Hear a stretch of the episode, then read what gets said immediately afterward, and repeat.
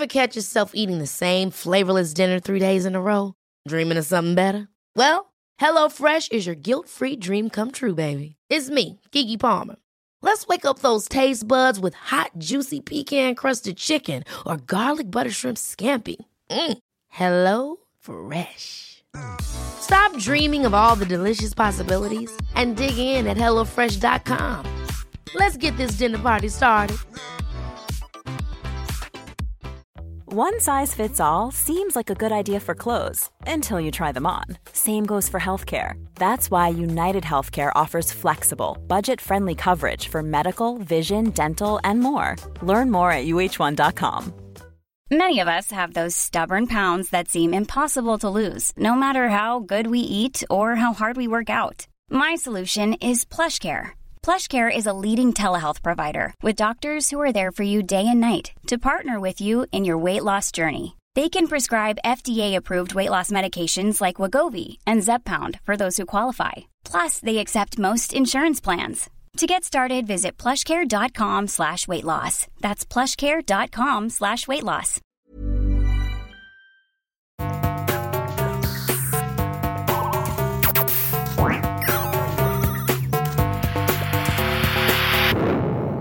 Velkommen til Sinnsyn. Jeg heter Sondre Risom Livre, er psykolog, og dette er Webpsykologens podkast. Hverdagspsykologi for fagfolk og folk flest.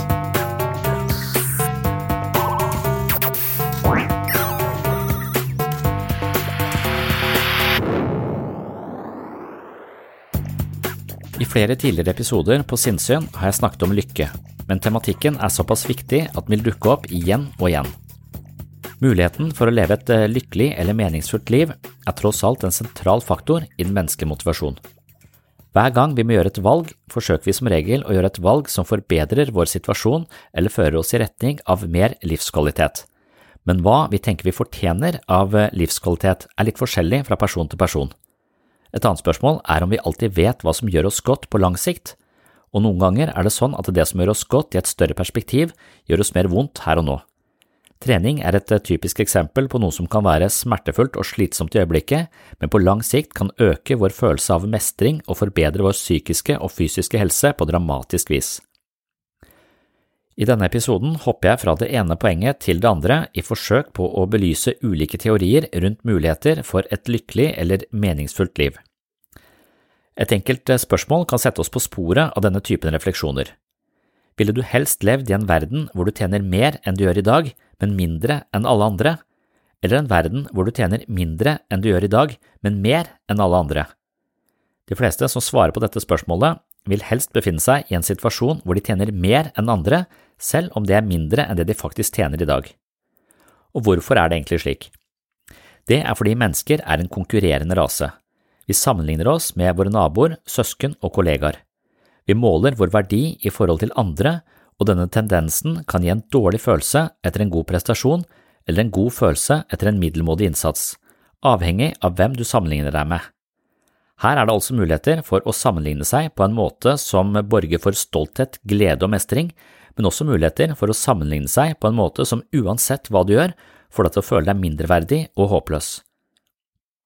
Det betyr videre at akkurat hvor mye du tjener ikke spiller så stor rolle, men hvor mye du tjener sammenlignet med naboen eller en kollega har stor betydning for din følelse av tilfredshet. Selv om vi tjener godt over gjennomsnittet, vil vi føle en mangel på respekt og mindreverd dersom vi har flere kollegaer som tjener mer. Tendensen vi har til å identifisere egen verdi opp mot ytre forhold i sammenligning med andre, gjør at livet for mange føles som et rotterace. I denne endeløse kampen om å tilkjempe oss litt mer enn naboen for å gjenvinne en følelse av verdi og velvære, lider våre relasjoner, og når vi ser på hva som egentlig konstituerer et godt liv, er det nettopp gode relasjoner. Derfor er sammenligning og materiell velstand som regel et destruktivt blindspor i jakten på det gode liv. Men likevel er det et spor som er såpass vanlig i vår vestlige kultur at de fleste havner i denne grøfta og ender opp som deprimerte. I dag tjener vi mye mer enn vi gjorde på 50-tallet og vi har langt høyere levestandard, men vi er ikke lykkeligere. Da er det åpenbart at vi er på en kurs vi tror ender i et eh, lykkelig liv, men som viser seg å ende et helt annet sted. Dersom vi går til de store undersøkelsene på hva som konstituerer et eh, godt og lykkelig liv, er det fem punkter som stikker seg frem. og her kommer de i prioritert rekkefølge. Det første punktet handler om familie og våre nærmeste relasjoner. Gode, nære relasjoner er på toppen av lista over det som gjør oss godt. På andreplass kommer vår finansielle situasjon, men her er det viktig å påpeke at de rike ikke nødvendigvis er lykkeligere, men at det er de som har så lite at de ikke får ende til å møtes og må bekymre seg for barnas ernæring, for et langt bedre liv dersom de oppnår en inntekt som besørger familiens overlevelse på en trygg måte. Når du har det du trenger, vil mer penger og materiell velstand kun gi en midlertidig følelse av lykke. Ganske raskt tilpasser vi oss en høyere levestandard og går tilbake til det nivået vi hadde av tilfredshet ved livet før vi fikk mer penger mellom hendene. Dette kalles for hedonistisk tilpasning, og det betyr at vi hele tiden venner oss til nye goder, og dermed vil tilførsel av materiell velstand kun gi en kort og forbigående følelse av å være litt lykkeligere. Men dette gjelder kun for de som har nok fra før. De som har marginalt, vil oppleve en varig forbedret livskvalitet med mer midler fordi det sørger for en grunnleggende trygghet som de manglet tidligere. Punkt tre handler om jobb. Det er viktig for mennesker å føle seg produktive og nyttige, og en jobb man liker kan være svært avgjørende for en følelse av mening, retning og betydning i livet. Punkt fire handler om en følelse av å være bidragsyter og medlem av en god flokk. Det handler om å føle tilhørighet og fellesskap. Og det femte og siste punktet, det handler om helse. God helse er viktig for et godt liv, og her er det en rekke andre faktorer som spiller inn på finurlig vis. Dersom du føler deg mye usikker, har få gode relasjoner, står i en evig konkurranse med dine medmennesker etc., så vil kroppen din være i en form for alarmberedskap og hele systemet fylles opp av kortisol og stresshormoner. Disse hormonene svekker immunforsvaret, gjør at du blir lettere syk, noe som igjen forverrer din livskvalitet, tilfører mer stress, osv. Det finnes mange negative spiraler av denne typen som det er lett å havne inn i, men vanskelig å komme ut av. Det var en eh, kort introduksjon til en eh, lengre refleksjonsrunde rundt eh, muligheten for å leve et lykkelig eller meningsfullt eller tilfredsstillende liv. Eh, som det fremkommer av disse fem punktene, så er det familie og venner og gode relasjoner som er den eh, altavgjørende eller mest eh, betydningsfulle faktoren når det kommer til å føle seg lykkelig da, eller tilfreds.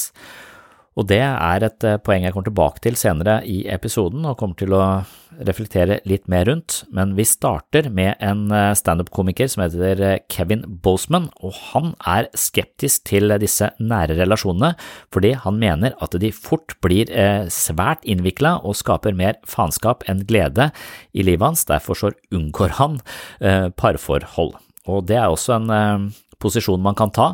Jeg sier ikke at det er lett å være i nære relasjoner, da er det ganske mye friksjon som regel, og det er ganske komplisert og utfordrende, men hvis man klarer å løse de utfordringene, så tror jeg det kanskje er de utfordringene som må løses for å få et eh, et eh, liv hvor man føler en eh, stor grad av livskvalitet og mening. For mening og følelse av betydning i livet, det er som regel noe som alltid krever flere personer for å oppnå.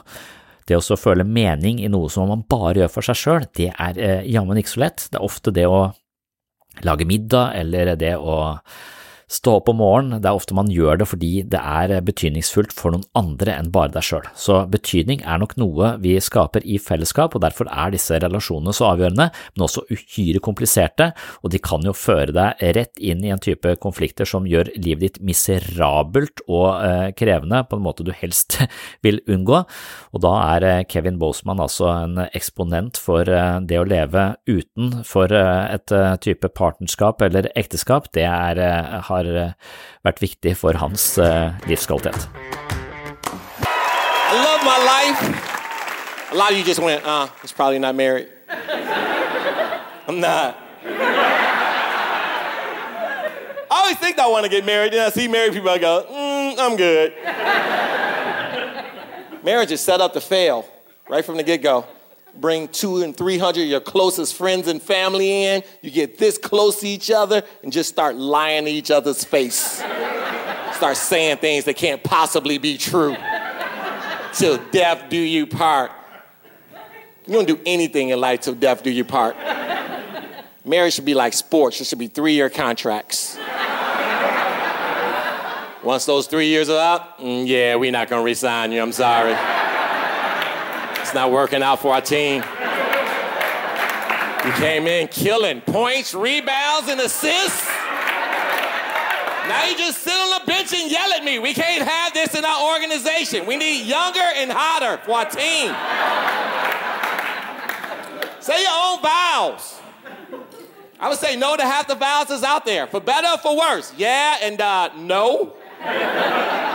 Rich or poor, definitely and nope. In sickness and in health, depends on what she got. I can be wheelchair your ass around my whole life. You gotta walk that off, boo. Let's go.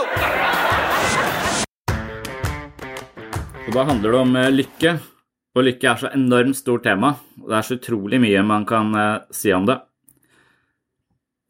Og jeg syns egentlig det er et veldig spennende tema. For det er alltid noe nytt å, å lære der. Så man, det er nesten sånn i villrede hvor skal man begynne å snakke om det? Man kan jo eh, begynne å snakke om at eh, penger og materielle ting sannsynligvis ikke er eh, den beste veien til lykke. Du vil bli lykkeligere hvis du lever i utviklingsland og mangler midler til å brødfø barna dine, f.eks., så vil det å få de midlene så du har til eh, salt i grøten, som det heter, det vil gjøre livet ditt eh, betraktelig mye bedre.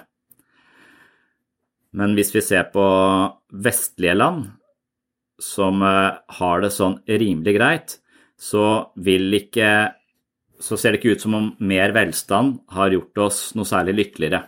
Her har jeg gjort ganske mange studier som, på forholdet mellom eh, hvor tilfreds vi er i dag kontra på 50-tallet. Man kunne forvente at vi skulle være uh, mye mer tilfredse, for det folk generelt sett tjener uh, sannsynligvis, eller på sånn gruppenivå, da, uh, over dobbelt så mye. de har mye bedre levestandard, de eier mye flere ting, de har mye større frihet, de kan reise mye mer. Men likevel så rapporterer de ikke noe større grad av lykke eller tilfredshet ved livet. Grunnen til at ting og, og, nyvinninger, høyere lønn, bedre karriere, eh, nå mål, eh, ikke nødvendigvis gjør oss så mye lykkeligere, er fordi at det, eh, vi er sånn Det kalles hedonistisk tilpasning. Så hver gang vi, vi vinner en ny bonus og kan kjøpe oss noe mer, så, så en så vil vi ganske raskt tilpasse oss den nye tingen eller den nye levestandarden eller den nye så, så vi vil hele tiden eh, komme tilbake til det grunnivået av lykke, selv om vi får mer ting, som vi får en hytte på fjellet og ny bil, så vil det gi oss en, en midlertidig liten hva skal man si, en liten uh, forhøyet følelse av, uh, av, tilfredshet ved livet, men så kommer man fort tilbake til, uh, til, der man var fra før. Så man tilpasser seg disse, disse tingene veldig raskt. Så det å søke lykke i å stadig vekk få mer ting eller tjene mer penger, det er et blindspor.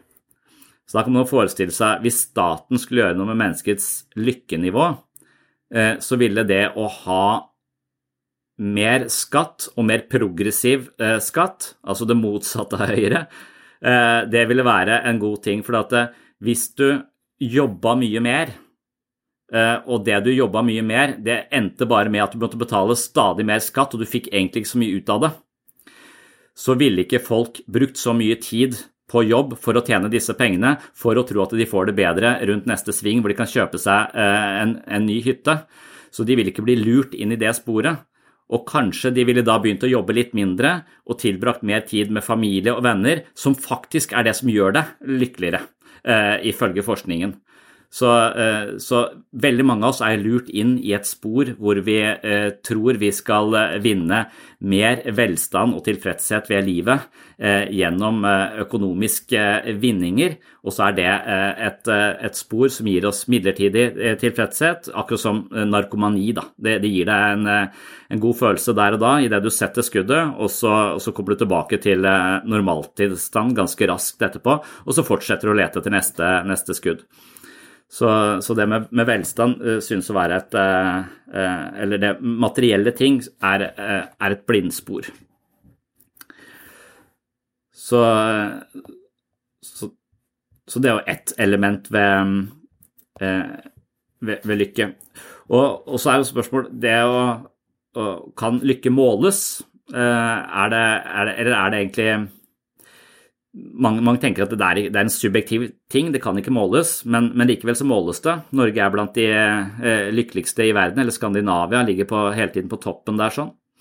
Eh, og det handler om mange faktorer, og man kan jo spørre folk hvor tilfreds de er med livet sitt eh, akkurat nå, men man kan også putte det i en sånn EEG-maskin og, og, måle eh, hjerneaktivitet for eh, hjerneaktivitet i venstre frontale frontallapp eh, er ofte forbundet med positive følelser, progressiv og pågangsmot og mestring, mens aktivitet i høyre-delen er mer forbundet med frykt, usikkerhet og, og andre mer negative følelser. Så man kan jo også se på en måte hvordan en hjerne opererer, avhengig av graden av tilfredshet ved livet. Så det er jo på sett og vis eh, mulig å, å måle eh, graden av, eh, av, lykke. Og noe av det som gjør oss til det beste eh, land å bo i, det er jo, som også ble sagt i denne podkasten, at det, det, handler mye om, om, tillit. At vi ikke trenger å gå rundt og være sånn småparanoide på at folk lurer oss, eller folk er ute etter å ta oss, eller staten er ute etter å, å, å tvinge oss inn i ulike regimer og, og er korrupte osv. Vi, vi har ganske stor grad av tillit til myndighetene, og vi har ganske stor grad av tillit til hverandre, og vi har grunn til å ha det. Du kan miste lommeboka di på, på bakken i Kristiansand sentrum, og sjansen for at du får den tilbake igjen hvis det står navnet i den, er ganske stor. Eh, det ville ikke skjedd i Manila. Eh, da hadde, du ikke, da hadde, da hadde du ikke sett den lommeboka eh, igjen. Og det handler også om at vi, vi kanskje har det ganske sånn generelt sett ganske bra, eh, men det, men det, er også en del forskning som tyder på at denne tilliten er en sånn kulturell ting vi også har med oss fra mange ledd tilbake i tid, også før vi hadde masse oljepenger, så vi, hadde, vi har råd til å, å være rause, på sett og vis. Og så er det dette med, med, med lykke. altså Som sagt, det, det, kan måles, og det kan måles på mange måter. Og, og hva, er det noe vits i å streve etter et lykkelig liv? Og jeg vil si det er kanskje det eneste som er vits i.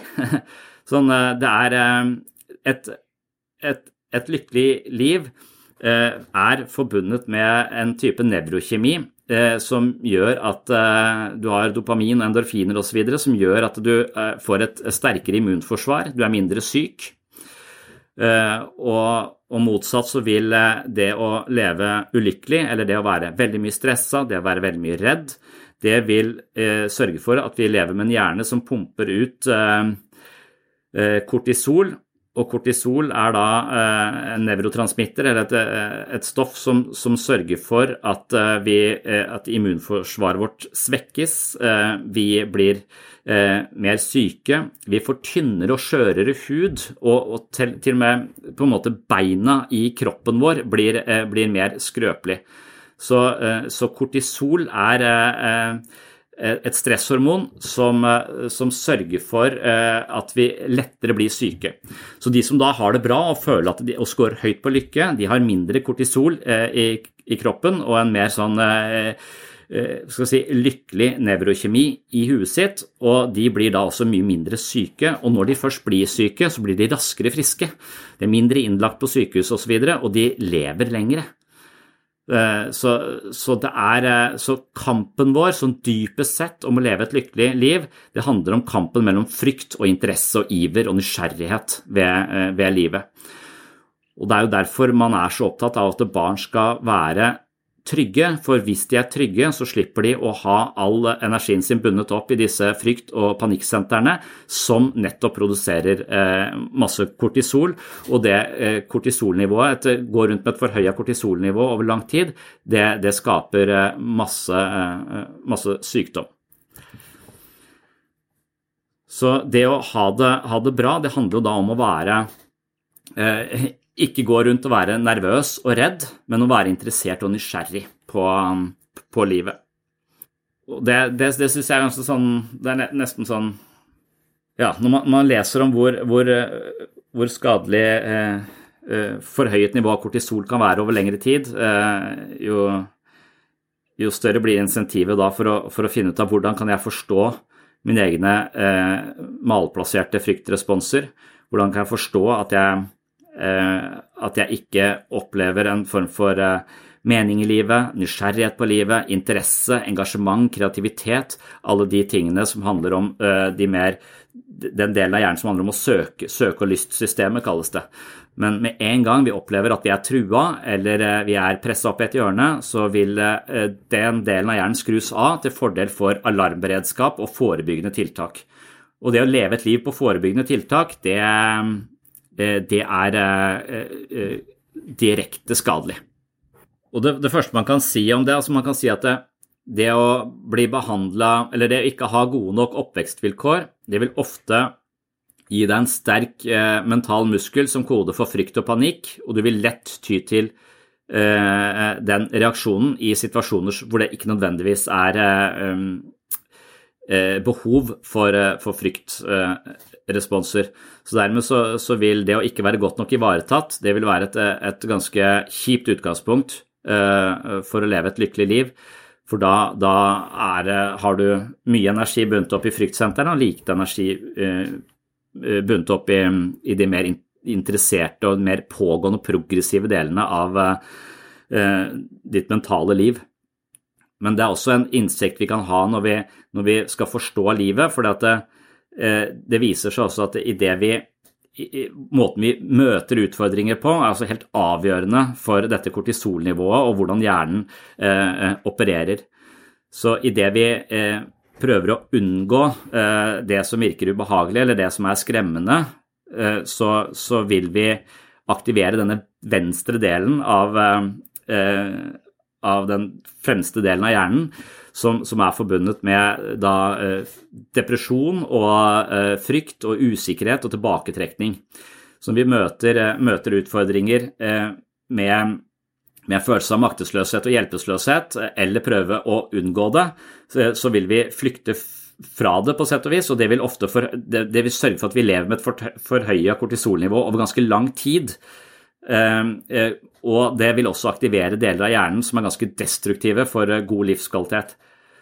Hvis du motsatt eh, tar tyren ved hornene, altså går inn i utfordringer og eh, møter eh, problemet head on, på en måte, så vil du aktivere den høyre delen av hjernen som er forbundet med mestring og selvfølelse og en mer trygghet og hva skal si, du, du er mer, det, er, det, er, de progressive kreftene du bruker. Du vil ikke være nødvendigvis mindre redd, men du vil møte frykten på en annen måte.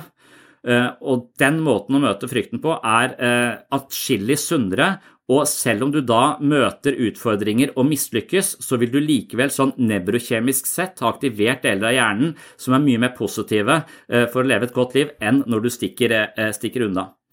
Og det å vite da, når vi egentlig unnviker utfordringer vi burde tatt head on, og når vi egentlig kommer oss unna situasjoner som rent faktisk er farlige og vi burde komme oss unna, det er det som er spørsmålet.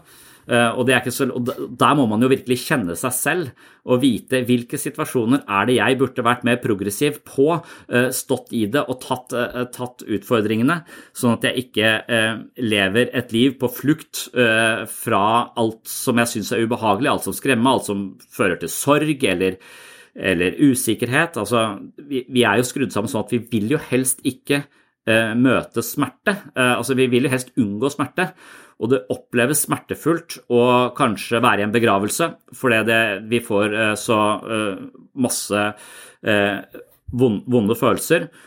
Og da kan man jo lett tenke seg at man unngår den, den begravelsen, men da er man også valgt et liv på flukt fra sorgen. Og da har du i verste fall smørt denne uroen og, og, og frykten utover, utover, livet ditt, eller gjort det til et mønster. Eh, og det er direkte skadelig for selvfølelsen, det er direkte skadelig for immunforsvaret ditt og for alt, eh, for alt mulig.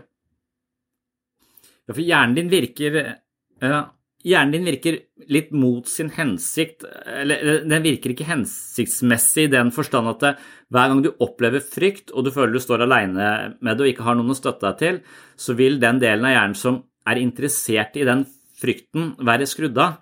For, for frykt er ikke noe vi, vi, vi, vil ikke få mindre frykt, er en følelse alle mennesker har. Eh, sorg er en følelse alle mennesker har, og det beriker egentlig livet vårt. Det er følelser som, som farger eh, livet.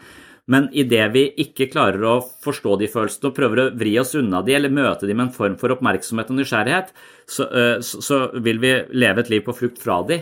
Og, og det, men, men, hver gang jeg blir veldig stressa, så blir jeg ikke veldig interessert i min egen reaksjon. Jeg blir bare interessert i å løse situasjonen eller komme meg unna. Mens, mens, mental styrke handler om å ha skrudd på den formen for nå kan jeg lære noe om meg selv. Dette er ikke negativt. Dette er, ikke, det, dette er, ikke, dette er en situasjon hvor er hvor jeg kan bli bedre kjent med mine egne reaksjonsmønstre. Men den, å koble inn den ideen når du nettopp er i den situasjonen hvor du har noe å lære, det er nesten eh, For den delen av hjernen, når du føler at du er i livsfare, er skrudd av, for den har ikke noe der å gjøre. Den, nå skal du bare reagere for å komme deg ut av en vanskelig, vanskelig situasjon. Og da, eh, da, da, får du ikke med deg eh, Ja, også, noe vi snakket om litt tidligere i dag, som, som spiller inn på det, altså, det Og det, er liksom opp og vedtatt at eh, det, punkt én på lista over de som scorer høyt på å ha et godt liv, de, de har gode relasjoner. Og det er fordi at det, det befester mening i livet, og, og der i fellesskap vi skaper mening. altså der i man bygger ikke en pyramide alene, og man skaper ikke mening i livet eh, alene. Det er ofte noe som, eh, som, man er nesten avhengig av et fellesskap. Som er avhengig av en tilhørighet og, og føle gjøre noe. Men, men jeg syns også det å ha relasjoner som jeg kan være åpne i, det er også eh, en del av kampen mot tvilen. Uh, og kampen mot tvilen, den tror jeg har blitt tiltagende vanskelig i vår tid fordi at eh, Og det har vi også snakket om mange ganger, fordi vi har så mange valgmuligheter. Så, så, alt blir gjort om. Det som før var ganske sånn faste parametere på, på, du skal gjøre sånn, du skal gjøre sånn, og det er ikke noe spørsmål ved det. Eh, det har nå blitt gjort om til valg. Du kan velge å konstruere deg selv og rekonstruere deg selv hele tiden. Og det, den der ideen vi har om at friheten er så, eh, er så attraktiv, det tror jeg også er en, eh, en den har en desidert bakside. Du skal være ekstremt godt skrudd sammen for å kunne håndtere stor grad av frihet. Og jeg tror med en gang du eliminerer litt av den friheten i livet ditt, så vil du også eliminere veldig mye tvil, usikkerhet, øh, og det bruker jeg ofte relasjoner til. Å si at ja, men da går vi for det, og så, vi, og så får jeg støtte på det, og så, og så, finner jeg ok, da går vi dette sporet, og så tenker jeg meg ikke tilbake ja, men jeg kunne gått dit, jeg kunne gått der, jeg kunne gått der. Når jeg hele tiden uh, må revurdere og tenke var nå dette det riktige? Jeg trenger av og til noen som sier ja, men da går vi for det. Og, og, så, så, har jeg liksom en slags bekreftelse på, så føler jeg en slags trygghet på det, eh, på det valget. Og jeg, jeg, er sikker på at det å leve et, eh, et godt eh, liv, det handler om at jeg eh, har begrenset valgmulighetene mine ganske, ganske mye. Og jeg, sånne ting skjønte jeg ikke når jeg studerte, f.eks. Altså da, da, tenkte jeg ah, da har jeg masse tid, jeg skal studere, og jeg, jeg leser når jeg, når jeg syns jeg kan. Så, så isteden for, for, å lage en struktur på dagen, en slags sånn bærebjelker, så kunne jeg lese litt nå og da. Det sørget jo for at jeg levde under den følelsen at jeg burde ha lest hele forbanna tida. Helt til jeg skjønte at det å ikke gjøre alle disse Da måtte jeg velge å lese hele tiden. Jeg måtte hele tiden ta et aktivt valg for å konstruere den dagen, istedenfor at den dagen var satt opp med visse strukturer. Og uten de strukturene så var det som om du tar vekk skjelettet i kroppen min. Jeg ligger bare der som en slags deg som ikke får gjort noe som helst, med dårlig samvittighet for at jeg burde gjort noe annet. Så den, den, føl, den der, den der å ha disse strukturene eh, som skjelettet i, eh, i, i, livet, og da bestemme seg for at det, hver dag så skal jeg lese, jeg skal gå dit, jeg skal lese fra ni til to. Og så skal jeg så, så, at jeg satte Og det var ikke noe spørsmål, det, jeg, jeg, eliminerte Du skal ikke kan jo, Men jeg, jeg, trenger jo ikke gjøre det i dag, jeg kan jo gjøre det i, i morgen eller lese i ettermiddag isteden. Nei, med en gang jeg legger opp til den typen drøfting med meg selv, så er jeg avhengig av en form for selvdisiplin jeg ikke har nok av. Eh, og jeg må hele tiden eh, skape min egen hverdag.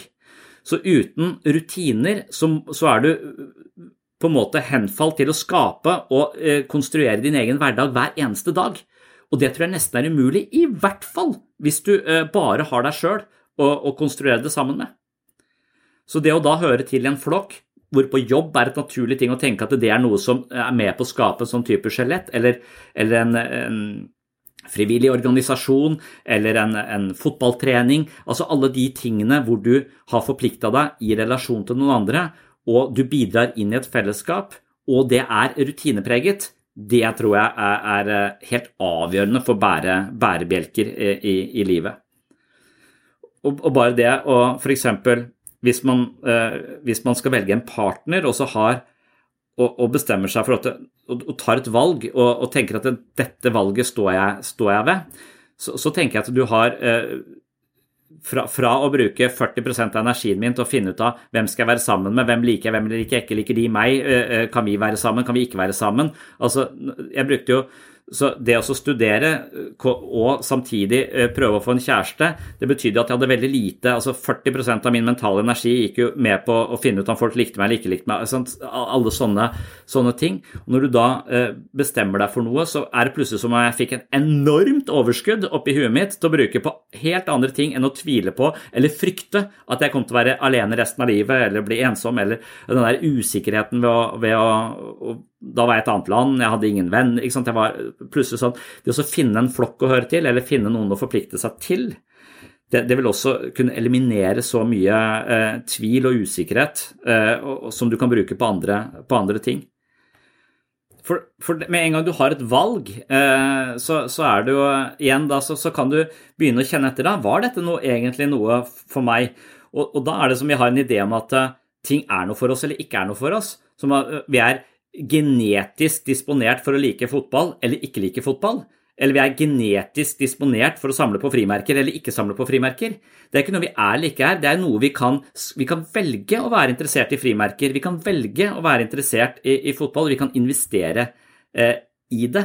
Og, så jeg tror det å skape seg selv eh, istedenfor å tro at man skal finne seg selv i, i noe, er, er så Jo mer jeg tenker på det, jo mer farlig er ideen om at jeg har en kjerne som jeg må finne Eh, og så prøver jeg masse forskjellige ting, men jeg finner ikke meg selv eh, i dette. Det er eh, det, det, forutsetter at vi har en eller annen sånn forutbestemt essens som enten liker eller ikke liker frimerker. Og det tror, jeg, det tror jeg ikke vi har. Det tror jeg er bruk av tid, krefter og evnen til å investere mening. Og det krever igjen den delen av hjernen som handler om å søke og lystsystem, det krever at vi har er trygg nok og har mentalt overskudd til å velge det eh, og investere mening i det. Så med en gang vi er en, i en situasjon hvor vi er eh, fulle av frykt og usikkerhet, så har vi ingen av den uh, typen mental energi som vi trenger for å nettopp investere over noe i, i, over, lengre, over, lengre, tid. Og, og, med en gang du gjør det om til et valg, så er det sånn da, da, da, da, må du hele tiden belage deg på din egen altså Det er tusen ting som kommer til å påvirke om du tar det, uh, tar det valget å, å møte den uh, treningsgruppa den dagen. For Hvis det er sånn Ja, jeg liker ikke å forplikte meg, så jeg sier bare at jeg, jeg, jeg kommer når det passer. Sånne ting. Vi tror at vi gir oss selv frihet og muligheter eh, ved det, men vi, vi, vi, gjør sannsynligvis bare det at vi hver gang vi skal møte den gruppa, må ta det bevisste valget selv og gjøre det. Og sjansen for at vi har et litt lavt blodsukker, er litt dårlig humør, har opplevd annet på hjemmebane som sørger for at vi unngår det, den er så stor. og, og, dermed så, så, vil vi ikke uh, finne noe verdi i det, fordi vi flukturerer inn og ut av det avhengig av tilfeldige faktorer i vår egen nevrokjemi, vårt eget humør, vår egen syke.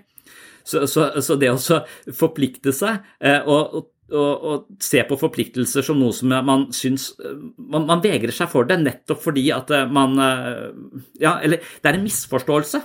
At vi, vi tror vi gjør oss selv en tjeneste ved å, ved, ved å gi oss den friheten til å komme oss unna. Men jeg tror dypest sett at vi, vi, forvandler hele livet vårt til en lang forhandlingsprosess med oss selv så vi har et evig langt forhandlingsforløp med oss selv om hva vi skal og ikke skal. Og det tror jeg ikke borger for eh, et lykkelig liv, men snarere det motsatte. Og så må man kanskje like å være dårlig eh, på noe, eller eh, for, for dette hvis vi hele tiden søker mot det som gir oss Eller finner noe vi liker umiddelbart ved, ved noe, så er det ofte, i hvert fall i relasjoner, da, så er det de relasjonene som Eh, skurrer mest i starten, der det er mest eh, friksjon, der det er mest konflikt. Hvis du klarer å stå i de og lære de menneskene å kjenne, så er det ofte relasjoner som uh, bor i meg på en helt annen måte enn de som umiddelbart er lett kommer overens med. Det er bra, det også, men, men kanskje musikk òg, da. Hvis du bare tar det som du syns høres bra ut i starten, så blir du jo Da blir du topp 40-person. Uh, og, og, det kan være vel og bra, det, men det er også, finnes også musikk som krever ekstremt mye mer av ditt gehør, og som krever innsats og investering over lang tid for at det skal bli uh, verdifullt. Og hvis du klarer å knekke den koden, så får du kanskje en enda dypere mening, mening med ting. Så istedenfor å søke mot de tingene som vi føler passer oss, så bør vi kanskje søke så, Hver gang vi føler at dette passer ikke for meg, så er det kanskje ofte fordi at vi ikke har uh, forstått det, vi har ikke lært det, vi er foreløpig dårlige på det, uh, og da er det lett også å trekke seg, uh, seg, unna. Så med en gang vi gir barn veldig masse muligheter til å trekke seg unna før de har virkelig kommet inn i noe og lært seg det og knekt noen koder, fordi at de føler seg dårlige eller de, de passa ikke, jeg likte det ikke, så, så, sørger vi kanskje ja, for å ikke gi den muligheten og den verdien som er i å, å stå ved det. Så du får et lykkelig liv og gjøre det som byr deg imot. Lenge. If you thought the only way to get a more defined jawline with natural looking results was through surgery, think again. Juvederm Volux XC is a non surgical injectable gel filler that improves moderate to severe loss of jawline definition and can help you achieve natural looking results with little downtime. Even better, this improved definition lasts up to one year with optimal treatment. No maintenance required. Improve jawline definition for a smooth, sculpted look with Juvederm Volux XC. For important safety information and to find a licensed specialist, visit juvederm.com. That's J U V E D E R M.com. Not for people with severe allergic reactions, allergies to lidocaine, or the proteins used in Juvederm. Common side effects include injection site redness, swelling, pain, tenderness, firmness, lumps, bumps, bruising, discoloration, or itching. There's a risk of unintentional injection into a blood vessel, which can cause vision abnormalities, blindness, stroke, temporary scabs, or scarring. Talk to a licensed specialist to find out if it's right for you. Ever catch yourself eating the same flavorless dinner three days in a row? Dreaming of something better? Well, HelloFresh is your guilt free dream come true, baby. It's me, Gigi Palmer.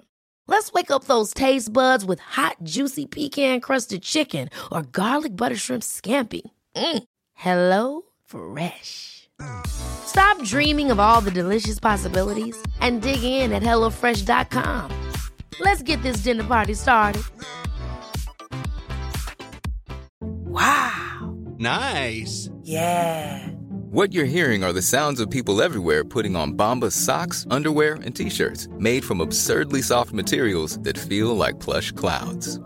Yeah, that plush. And the best part? For every item you purchase, Bombas donates another to someone facing homelessness. Bombas. Big comfort for everyone. Go to bombas.com slash ACAST and use code ACAST for 20% off your first purchase. That's bombas.com slash ACAST. Code ACAST.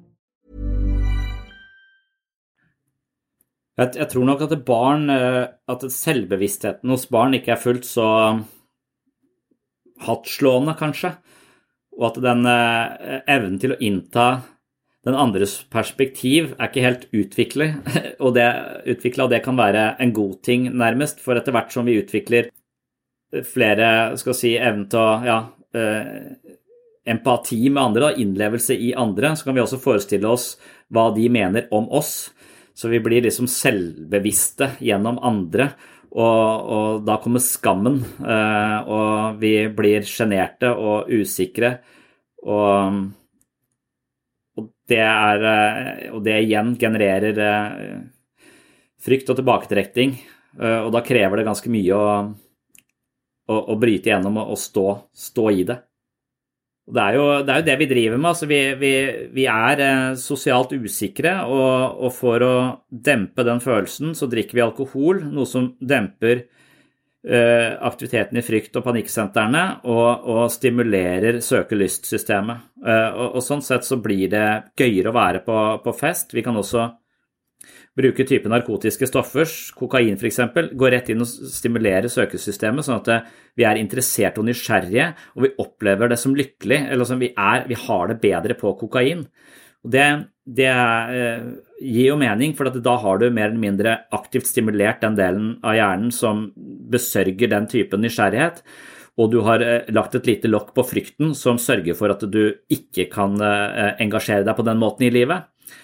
Så, eh, men ulempen er jo at, eh, at, at, du er, at hjernen din, du eier hjernen din idet du klarer å aktivere den på egen hånd, og ikke trenger eh, noe som koster masse penger for å aktivere den. Så med en gang du har outsourca eh, nevrokjemisk eh, balanse til en eh, sketchy fyr eh, i en eller annen bakgate i Kristiansand sentrum, så, så du, er du på et litt farlig prosjekt. For plutselig så er den ikke der, ellers kan du ha dobbelt så mye, og så har du ikke råd til å kjøpe det, og så er du Ja, så er hele, hele ditt eh, din evne til å leve et godt liv blitt avhengig av noe som du ikke egentlig har kontroll på.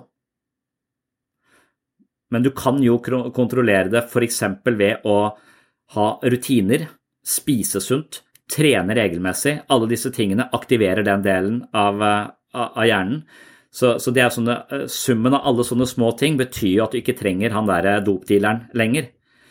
Men hvis du har holdt på med dopdealeren veldig lenge, så har du en slapp eh, muskel. Det har en hjerne som ikke klarer å produsere de stoffene på egen hånd. og Dermed så vil mange av de som slutter å ruse seg, de blir sånne eh, supertrenere. Sånn at de, de løper sånn der eh, maraton og, og så, fordi at de, de febrilsk prøver å overta eierskap til å skape den nevrokjemien som er grunnlaget for et godt liv. Og da er det kun eh, da, er trening tilgjengelig, eller, eller, Gud er tilgjengelig. Du kan bli superkristen også. Det gjør noe av samme, eh, eh samme nytten. Så, så, folk som er eks-narkomane, de er ofte jævlig godt trent eller veldig opptatt av Gud. I en periode til de har klart å stimulere den muskelen eh, igjen. Men fra starten av så trenger vi å kunne stimulere og være, ha den eh, engasjerte eh, muskelen. Men som voksne så vil vi kanskje med en gang vi merker at noe ikke passer helt, eller vi ikke får det til osv., så, videre, så, så så ser vi ikke det på, på det som problemer vi kan løse. Og der kommer denne hvordan, bruk, hvordan, møter du utfordringer? Hvis du møter det på en proaktiv måte, så vil du aktivere andre senterhjern som handler om mestring, positive følelser. Men hvis du møter det med unnvikelse og tenker nei, det får jeg ikke til, jeg kommer til å drite meg ut, så, så, så vil du eh, aktivere alle de destruktive tingene. Og da skapes det mønster. Så forskningen som er gjort på dette, det, det viser altså det, Der er forsket på livskvaliteten og graden av eh, selvfølelse og eh, følelse av mestring og egentlig det å leve et lykkelig liv i to grupper som, eh, som, hvor den ene gruppa blir utsatt for stressfaktorer som de egentlig bare blir pressa på. De føler seg maktesløse, hjelpeløse og, en, og, og, svarer mye mer negativt på, på, på spørsmål i ettertid. Mens en gruppe mennesker som blir satt i en situasjon hvor de kan velge å ta opp de samme stressfaktorene, altså de har valgt det, de har valgt at dette her kommer til å skape stress, men jeg trenger å løse dette problemet for å komme meg videre. Og idet du ser at man har valgt den byrden i stedet for å bli pressa eh, på, så, så, vil du aktivere helt andre deler av nervesystemet eh, som skaper helt andre mønstre som borger for mestring. Og det er jo det som er, Hvis vi klarer å velge utfordringene våre, hvis vi klarer å velge byrdene våre istedenfor å føle at de blir pressa på oss, så, så, har vi, så, har vi, en life hack som er sykt viktig.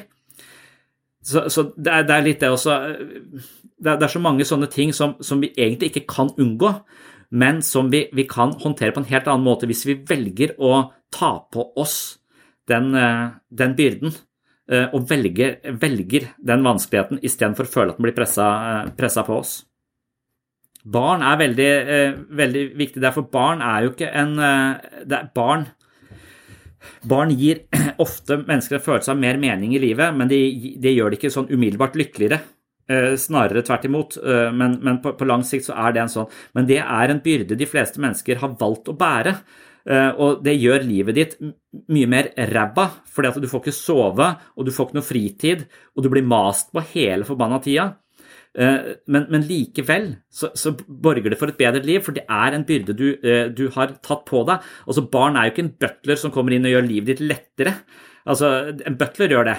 Altså En butler kommer inn og så tar oppvasken og lager middag og, og fikser livet ditt. Så du tror at det Men nettopp en butler gir ikke nødvendigvis en større grad av lykke i livet, men det å ta på seg med viten og vilje eh, et ansvar og en forpliktelse, det gir et, et, et Da rapporterer folk mer grad av eh, velvære. Så de har gitt avkall på frihet, de har gitt avkall på fritid, de har gitt avkall på søvn, de har gitt avkall på å ha lov til å tenke sin egen tanke. Likevel så, så, så rapporterer de eh, eh, større grad av tilfredshet. I've thought about it, and there's three reasons I don't have children. Okay, three main reasons I don't have children, and I'll share them with you. Okay, here they go. Three reasons, right? One, there's millions. The world's overpopulated. No one's sitting around going, oh, Rick's not having kids, we're going to run out. Two, kids are scroungers, aren't they? I mean, from day one, it's all me, me, me, isn't it? Feed me, clothe me, pay for my chemotherapy. Not my problem, son. Not my. Luck of the draw, boy. Luck of the draw. It costs the average household in the West $200,000 to bring up a child, right? And you don't see that back. They don't want to pay you back. They're not grateful. They don't go, oh, thanks for having me every day. They go, I didn't want to be born, right? You, even if they get a top job, right, which they won't, okay? You'll never see that money back, right? They just put you in a home, okay?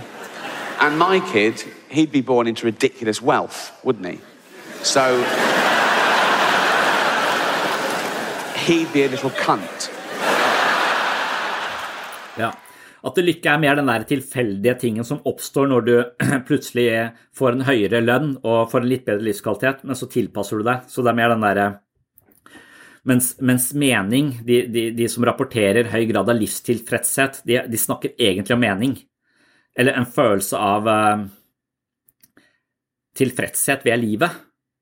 Og glede er ikke meningsfullt hvis ikke det står i kontrast til en dyp og inderlig sorg og, og følelse av maktesløshet. Så det å eh, nettopp ha et rikt repertoar og tørre ulike eh, elementer av det å være menneske, er kanskje det som virkelig gjør livet meningsfullt. Og det er derfor det å møte frykt, møte vanskelige situasjoner eh, Det er derfor det å å løpe et, et maraton gir deg masse, masse smerte, men det kan virkelig også være noe som uh, gir deg en følelse av mestring og det å stole på seg selv, og så at det, så at det er via de negative følelsene at livet blir meningsfullt. Men samtidig så bruker vi disse kontrastene hele tiden på en litt sånn tilfeldig måte, og det er jo også litt sånn bekymringsfullt når du, når du hele tiden vurderer din egen verdi opp mot andre, som er en av disse enorme livsfellene, det også. Fordi du, da kan du velge å innta altså, din vurdering av deg, deg, selv og din egen verdi eller din egen prestasjon opp mot andre. Det kommer jo helt an på hva slags uh, uh, sammenligninger du gjør. Så, uh, så om du Så, så, så hvis, du, hvis, du, har vært dypt deprimert og ligget i senga i 14 dager og ikke klart å gjøre noe som helst, og du klarer å komme deg opp, spise frokost to dager på rad og gå en tur, så kan du tenke at eh, det er jo selvfølge, det er jo ingenting. Eh, og det, jo, det å gå en tur er jo ingenting sammenlignet med å løpe et maraton. Men det er jo jævlig mye sammenlignet med å ikke gjøre noe og ligge helt stille. Så når du hele tiden sammenligner deg med f.eks. andre, og ikke med deg selv i går Hvis jeg sammenligner meg med meg selv i går, hvor jeg ikke gjorde noen ting, kontra da jeg har stått opp, spist frokost og gått en tur, så er jeg jo uh, på et helt annet Altså, resultatet av den type sammenligning kan jo generere en litt annen følelse enn hvis jeg sammenligner meg med naboen som står opp hver jævla dag og spiser frokost og går på jobb. Så det må også være en sånn type life hack, for du kan jo sette deg fast i verdisystemer og sammenligninger som sørger for at du, du vil komme til å være kronisk misfornøyd med hele livet ditt. Og det er jo livsfarlig.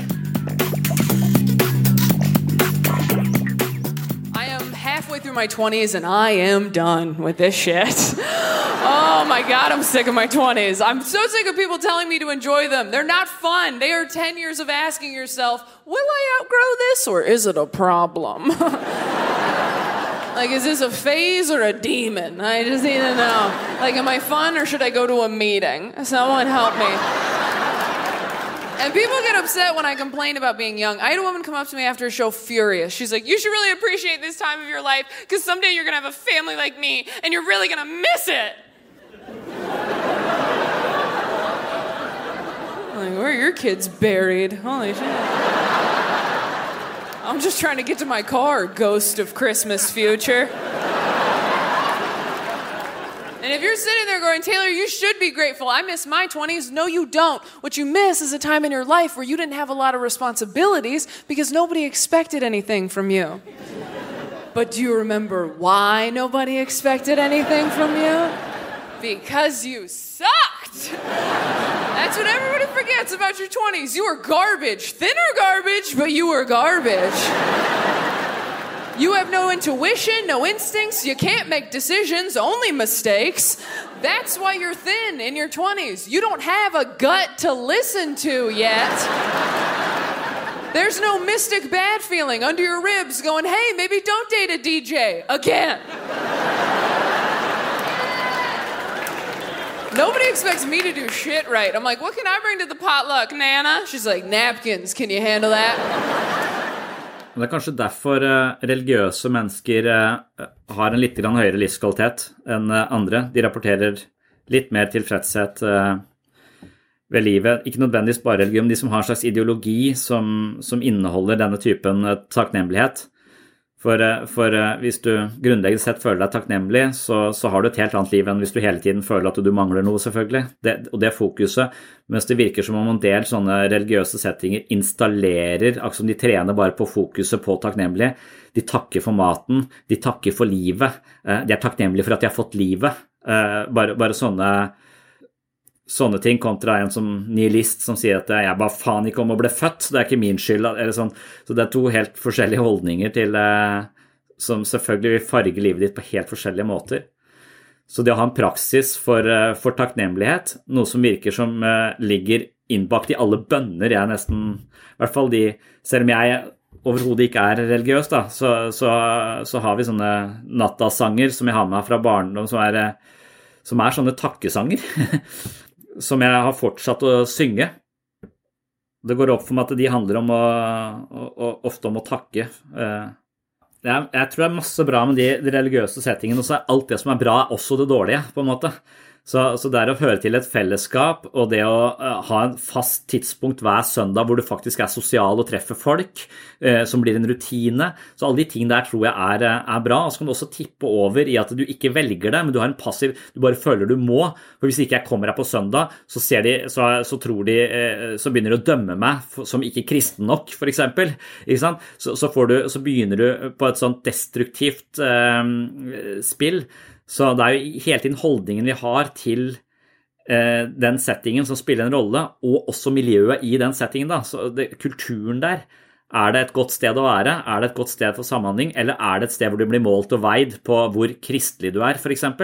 Eh, så blir det bare et nytt objektspill som, eh, hvor du kan komme til å føle deg til kort og føle at du er falsk. Og, ikke sant? Så, der, så, så når jeg har vært i masse mener, så det, alt det som er kjempebra her, altså alt det som er så kan bli så dårlig.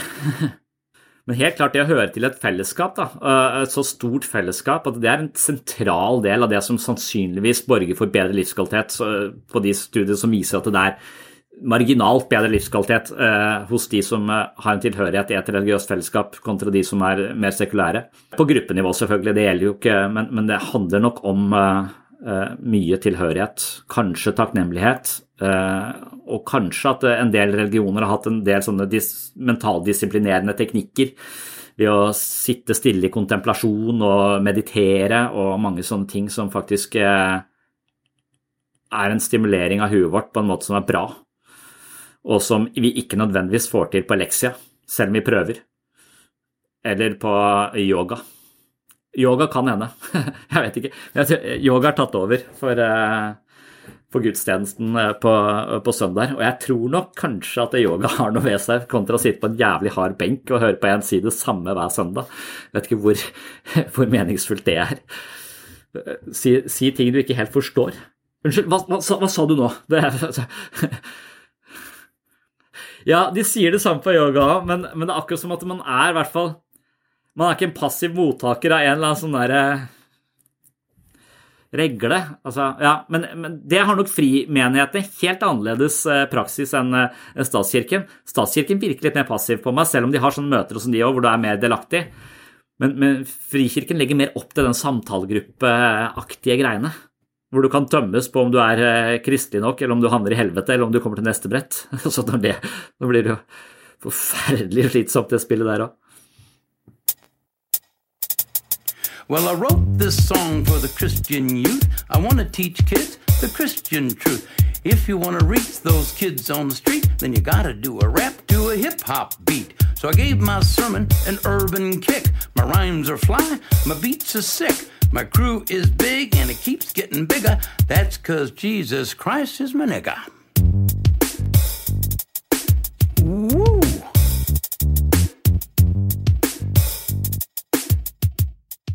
Jeg savner kanskje Når det gjelder f.eks. psykoterapi, da, så, så, er alle teoriene våre liksom tufta på en idé om at eh, det er eh, den autoritære pappaen eller, eh, eller den autoritære moren eller det å aldri bli sett, det å føle seg kritisert Altså at det, er veldig tufta på sånne lokale ting som, som hvor forklaringen går til eh, sånne, i hvert fall på den freudianske modellen, går til sånne konflikter mellom deg og dine nærmeste, som ble løst eller ikke løst på en grei måte. Og for mange så er det eh, et sted hvor de, eh, hvor de ikke fikk, fikk, det de trengte, og, og, og mangler ganske mye. Men, men, man kan jo også forestille seg at grunnen til at vi er deprimerte, også er fordi at vi er hele tiden eh, voldtas av vår egen kultur på en måte som, eh, som er sånn allment akseptert og vi ikke skjønner eller ser. Så, så man kan si at ja, jeg, jeg, ble utsatt for et overgrep da, og det er det som har sørget for uh, at jeg har det så jævlig mye frykt og er redd og har PTSD i dag. Så kan man prøve å jobbe med det, men så glemmer man at man i tillegg blir voldtatt av sin egen mobiltelefon og utsatt uh, for en type uh, idé om at livet kan bli bedre hvis du gjør sånn og sånn og sånn, og sånn, som også installerer den følelsen av aldri være fornøyd med det du er, for du er nødt til å hele tiden gjennomsyres av en følelse av at du mangler noe for å kjøpe noe mer for å få det bedre, eller utsettes for en type sammenligning hvor du hele tiden kan se hvordan andre har det, og du kan hele tiden finne noen som er bedre enn deg selv. Så du er satt inn i et system eh, som, er, som, på en måte er tufta på at alle skal føle seg ræva. Eh, for, for det, det, holder eh, hjula i gang. Så da kan man si at ok, ene, det ene overgrepet der har vi jobba med i psykoterapi, men jeg er fortsatt ikke bedre. Nei, det er fordi at er, du er kronisk voldtatt av din egen kultur, fra du ble født. Altså, altså det, jeg føler ikke vi har noe terapeutisk praksis som handler om den typen overgrep. Eller at vi snakker ikke nok om den typen eh, eh overgrep og gjennomsyres av en kultur som vi også er nødt til å hacke. Vi kan hacke at ok, grunnen til at jeg er så kritisk med meg selv, er fordi at eh, faren min var så streng, eller at moren min eh, stilte så høye krav til meg. Og så kan jeg, ok, Den stemmen som hele tiden kjefter på meg for at jeg ikke gjør det godt nok, den er et ekko fra moren min. Jeg kan justere den, jeg kan eie den stemmen, jeg kan gi den stemmen mindre makt, og jeg kan overta og gi meg selv litt mer omsorg.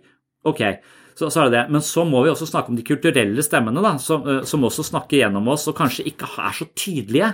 For de har ikke sagt det direkte til oss, de bare er miljøet vårt. Sånn at du, du blir det du spiser, men du blir også det du omgås av, av kultur. Eh, og no, mye er bra kultur. Mange av historiene våre forteller oss om masse av disse livsfellene. F.eks. hvordan det å hele tiden jakte på mer rikdom er et sånn eh, livsspill som bare fører, fører, til skuffelser, midlertidige følelser av, eh, av lykke, men på, på lang sikt gir, gjør livet meningsløst og overfladisk. Så, så, mye av kulturen vår prøver å fortelle oss dette òg, men vi har det liksom ikke innbakt i terapeutisk praksis på samme måte. Så grunnen til at folk ikke nødvendigvis føler seg veldig lykkelige etter at de har fått behandling for sin depresjon, kan jo være at det, de teoriene våre hele tiden sikter på, uh, på det veldig personlige og relasjonelle, og ikke så mye på de kulturelle faktorene. Så det å hacke de kulturelle faktorene og vite hvordan mobiltelefonen din langsomt ødelegger livet ditt, det er eh, ganske avgjørende. Eller hvordan kulturen som hele tiden legger opp til at du skal kunne velge å konstruere deg selv hver forbanna dag. eh, Og ikke på en måte Og hele tiden eh, mate deg med nye valgmuligheter som du er nødt til å ta stilling til. Som bare smører tvil utover alt. Altså at det også er eh, er eh, livsfeller vi er nødt til å, å, ta høyde for og korrigere for. Ved å kanskje sørge for at vi får mindre, mindre valg. Altså, vi har en skilsmisserate på ca. 50, ikke sant? Og så si at Istedenfor å løse de konfliktene som er mellom deg og partneren din, så velger du å gå ut av det, for det er på en måte en, en mulighet som bare er mer og mer tilgjengelig. Og så går du ut av det, og så får du da alle de problemene som du hadde før du gikk inn i forholdet, tilbake igjen. Altså den der 30-40% av din mentale kapasitet som går med på å finne ut av hvem du skal og ikke skal være sammen med, hva du skal og ikke skal gjøre. ikke sant? Alt det du ble fri for ved å gå inn og forplikte deg, eh, som frigjorde eh, mental kapasitet til at du driver med andre ting, det, det har du nå kommet tilbake til. Så, så du får jo eh, Du har løst ett problem, men så har du fått da alle de problemene du hadde i utgangspunktet, tilbake igjen. Så Eh, så jeg mener at det er godt at vi har muligheten til å komme oss ut av veldig destruktive parforhold. Men eh, kanskje eh, vi også har en tendens til å forlate de uten å lære noe om oss sjøl i det å reparere konflikten. Fordi at muligheten for å bare gå, gå videre gir oss en, en, At ja, det er lettere der og da enn å ta den praten hver eneste lørdag i ett år framover. For det er ikke løst på, det er én kveld. Jeg tror vi lures til å tro at valgene er så skjebnesvangre. At, at valget vi tar, eh, er så I og med at vi ikke fikk noen føringer på det, eller vi eventuelt tok det uten støtte fra noen, så, eh, så, står vi i det valget, og så tviler vi på om det var, eh, eh, var det riktige. Så, så det å tenke at livet skal jo leves fra A til B. Du fødes, og du dør. Og hver eneste dag så dukker det opp nye valg, og du tar et valg om å bli farmasøyt og og så, går du den veien, men det betyr ikke at livet ditt på en måte er satt i absolutt forstand. Det er mange måter å være øh, farmasøyt på, det er mange andre Du kan hele tiden Så det å heller bare bifalle det man har valgt, og så gå den, den, stien og så gjøre nye valg underveis, ikke tro at nå er jeg eh, Ja, altså at øh, alle veier du velger i løpet av et liv, fører jo til en kiste. Så, så det er ikke noe så, så, det at du kunne, men, men, det er liksom ikke, det er ikke én vei du har valgt. Det, er, det er som et svært tre. altså det, er, det så masse veier du velger hele tiden. Uh, og det også evnen til å stå ved de valgene og prøve det beste ut av det, istedenfor å hele tiden tenke på kunne en annen vei vært bedre. Det er også den der sammenligningen hele tiden. Det er jo å sørge for at du ikke får med deg det som er på den veien du er. Det er jo, det er jo det er så enkelt å forstå, men så vanskelig å praktisere. Men igjen, da bare se Være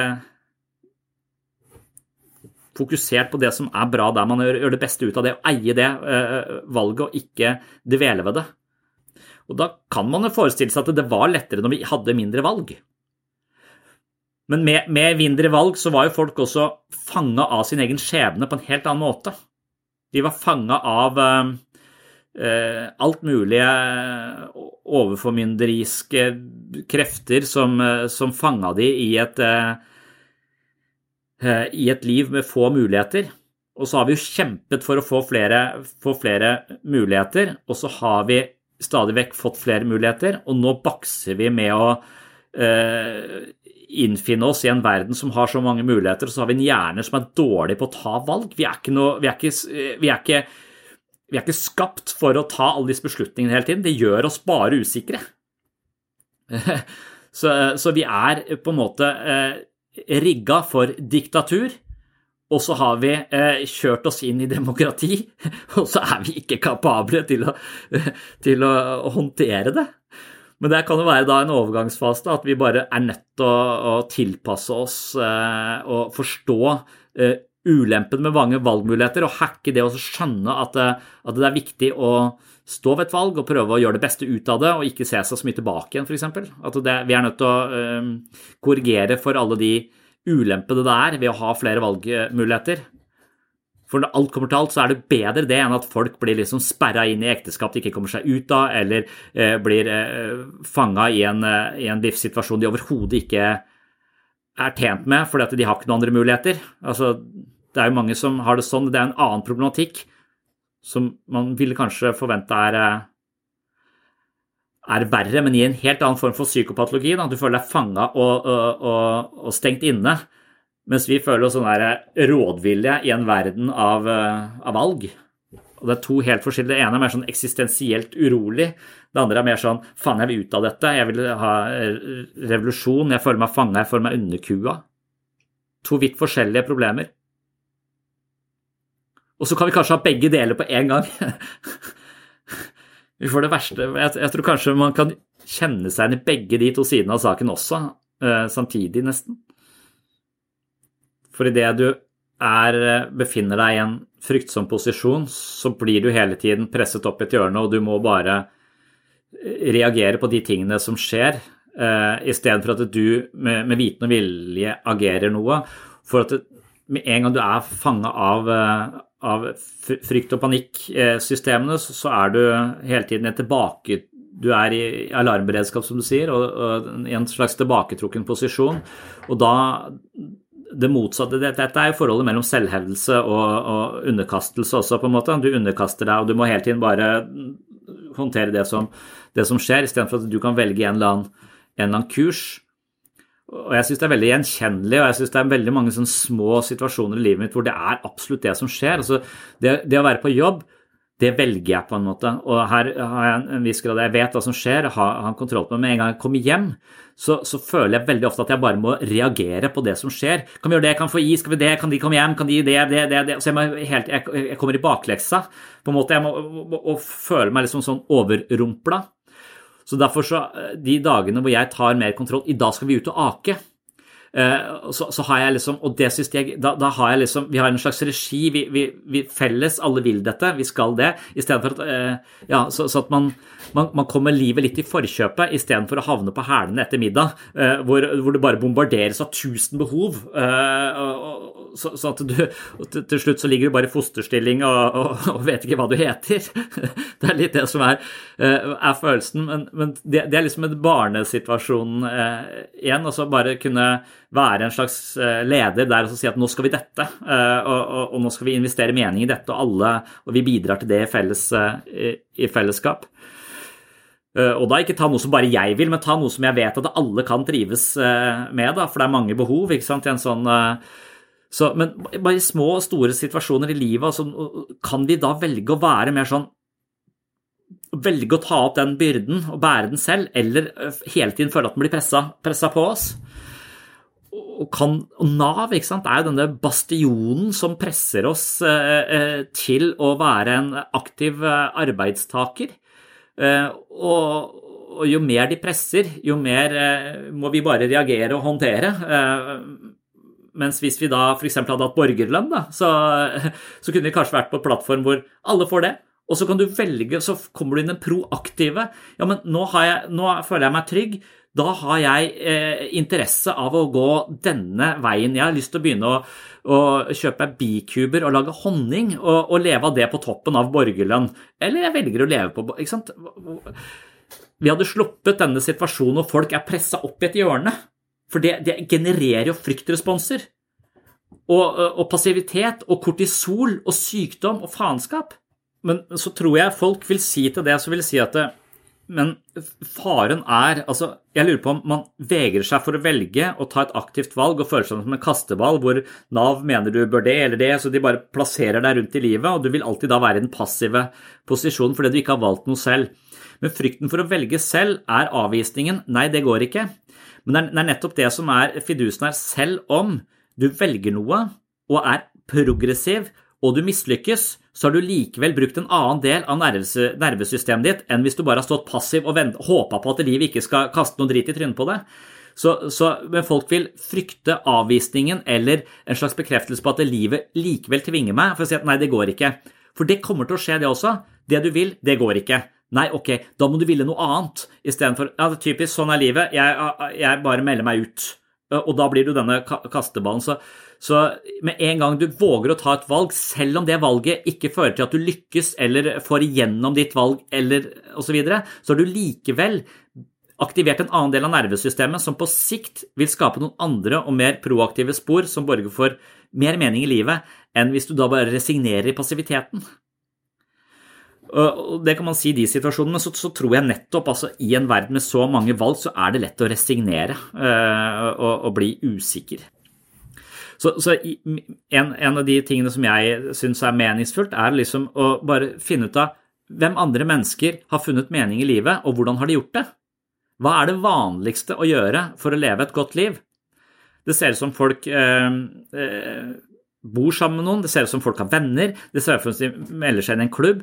Noen, så, så, hver gang noen har funnet et eller annet som virker som er vitaliserende og de brenner for, så lurer jeg på om det er mulig å gå den samme veien. Så det er nesten det som interesserer meg mest av alt med andre mennesker, er jo hvordan de finner mening i livet sitt. For hvis de har klart å finne mening et eller annet sted, så kan det være at jeg kan gå den samme veien. Og ofte så, Det er ikke snakk om å bli en kopi av de, men det er snakk om at, at at man kan følge noen etter noen på en vei, og så kan man si at hit, nå fikk jeg dette, men jeg går videre herfra. Så går jeg, jeg en litt annen, uh, annen retning. Så, så, det å være, ja, være, nysgjerrig på hvordan andre mennesker har klart uh, dette her, det, det syns jeg er For jeg tenker at jeg er ikke spesielt Alt jeg liker, det er jo fordi andre mennesker har likt det, eller har gitt det verdi, eller har syntes at det er meningsfullt. Altså, jeg er jo ikke spesielt original, jeg har ikke funnet på noe helt nytt, jeg er ikke en oppfinner. Jeg har bare gjort det andre mennesker har funnet eh, eh, Det er veldig få mennesker da, som, som, som, skaper helt nye arenaer. Men de fleste av oss de bare prøver å, å, å gå i noen oppgåtte stier som andre har gått før. Og, og, det tror jeg man Jeg tror det er sånn man i hvert fall kan begynne å vinne et slags eh,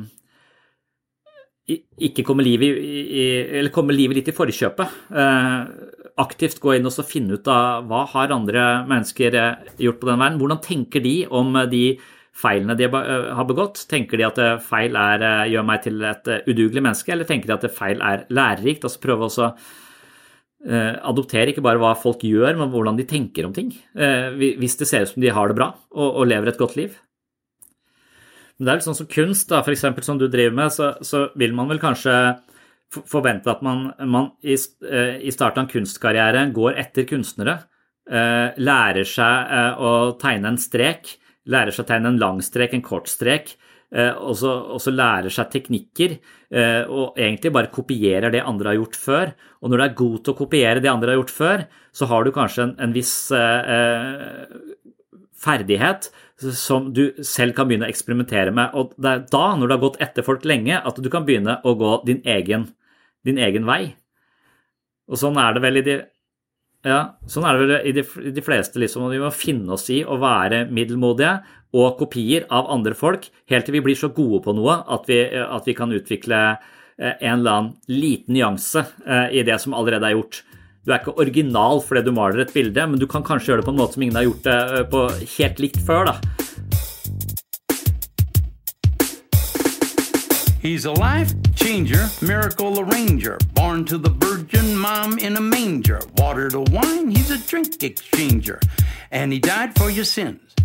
I preach the word, that's my gig, and I rhyme better than Notorious Big. All the other MCs, I wish them well, but if you live in sin, you burn in hell. Tusen takk for at du hørte på Sinnsyn. Dette var en litt eh, springende episode hvor jeg forsøkte å mm, si noe om eh, mulighetene for å leve et eh, meningsfullt liv.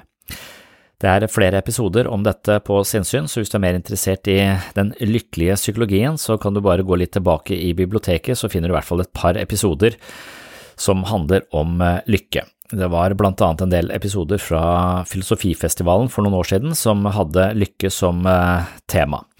Og der deltok jeg eh, og snakket eh, Ja, jeg skulle vel egentlig snakke med Ole Martin Moen om, om lykke. Han er jo en hedonist som mener at det å oppnå en form for tilfredsstillelse, eller det å søke mot eh, velbehag, er liksom hovedmotivasjonen og det viktigste for oss mennesker. Mens jeg har nok en litt annen filosofi som tenker at det å gjøre de vanskelige, vonde, smertefulle tingene er kanskje det som til sist ender opp med en følelse av eh, mening og dybde i livet. Men han uh, dukket aldri opp, så jeg måtte sitte og reflektere på scenen alene, så vidt jeg kan huske, men eh, denne refleksjonsrunden der, den kan du også høre en tidligere episode her på Sinnsyn. Takk for følget. Hvis du vil ha mer sinnssyn hver måned, så vet du hva du skal gjøre. Da er det patron.com for sinnssyn. Finner du verdi her på podkasten og har lyst til å støtte prosjektet, så er det Patron som er stedet å gå. Patron.com for segs sinnssyn. Der kan du få et abonnement på mitt mentale treningsstudio. Der finner du masse ekstra episoder av sinnssyn, masse videomateriell som jeg ikke publiserer andre steder. Du finner hele selvfølelsens psykologi som lydbok, og jeg holder på å lese inn eh, Jeg, meg selv og selvbildet, og skal fortsette på Psykologens journal. Så jeg leser bøkene mine, gjør de om til lydbøker der inne og ja, poenget er altså at hvis du finner verdi og har lyst til å støtte prosjektet, så kan du gå dit, og som takk for støtten så får du da ganske mye ekstra materiale. For som jeg har sagt mange ganger her på podkasten, så er det jo ganske tidkrevende og kostnadskrevende å drive en podkast, men nå har jeg altså muligheten til å holde på med dette hver eneste uke, fordi jeg får støtte av eh, Patron-supportere. Så tusen hjertelig takk til dere som er Patron-supportere, det betyr masse, og det er på grunn av lyttere som dere at dette prosjektet kan fortsette uke etter uke, år etter år. Så takk for det. Hvis du ikke har midler til å støtte dette prosjektet, så er det fullt forståelig. Eh, da skal du bare fortsette å høre på Sinnsyn her på den åpne podkasten som normalt, og det kommer vel en ny episode om ganske få dager, så stay tuned og på gjenhør!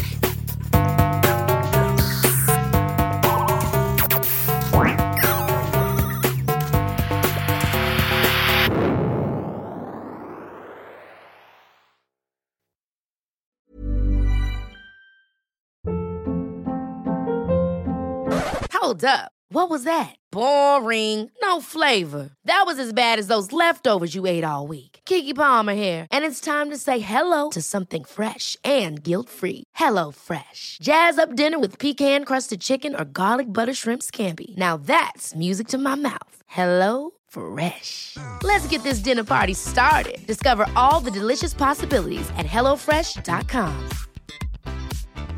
Mom deserves the best, and there's no better place to shop for Mother's Day than Whole Foods Market. They're your destination for unbeatable savings, from premium gifts to show-stopping flowers and irresistible desserts. Start by saving 33% with Prime on all body care and candles. Then get a 15-stem bunch of tulips for just $9.99 each with Prime. Round out Mom's menu with festive rosé, irresistible berry chantilly cake, and more special treats. Come celebrate Mother's Day at Whole Foods Market. Even when we're on a budget, we still deserve nice things. Quince is a place to scoop up stunning high-end goods for 50 to 80% less than similar brands. They have buttery soft cashmere sweaters starting at $50, luxurious Italian leather bags, and so much more. Plus, Quince only works with factories that use safe, ethical, and responsible manufacturing. Get the high-end goods you'll love without the high price tag with Quince. Go to quince.com/style for free shipping and 365-day returns.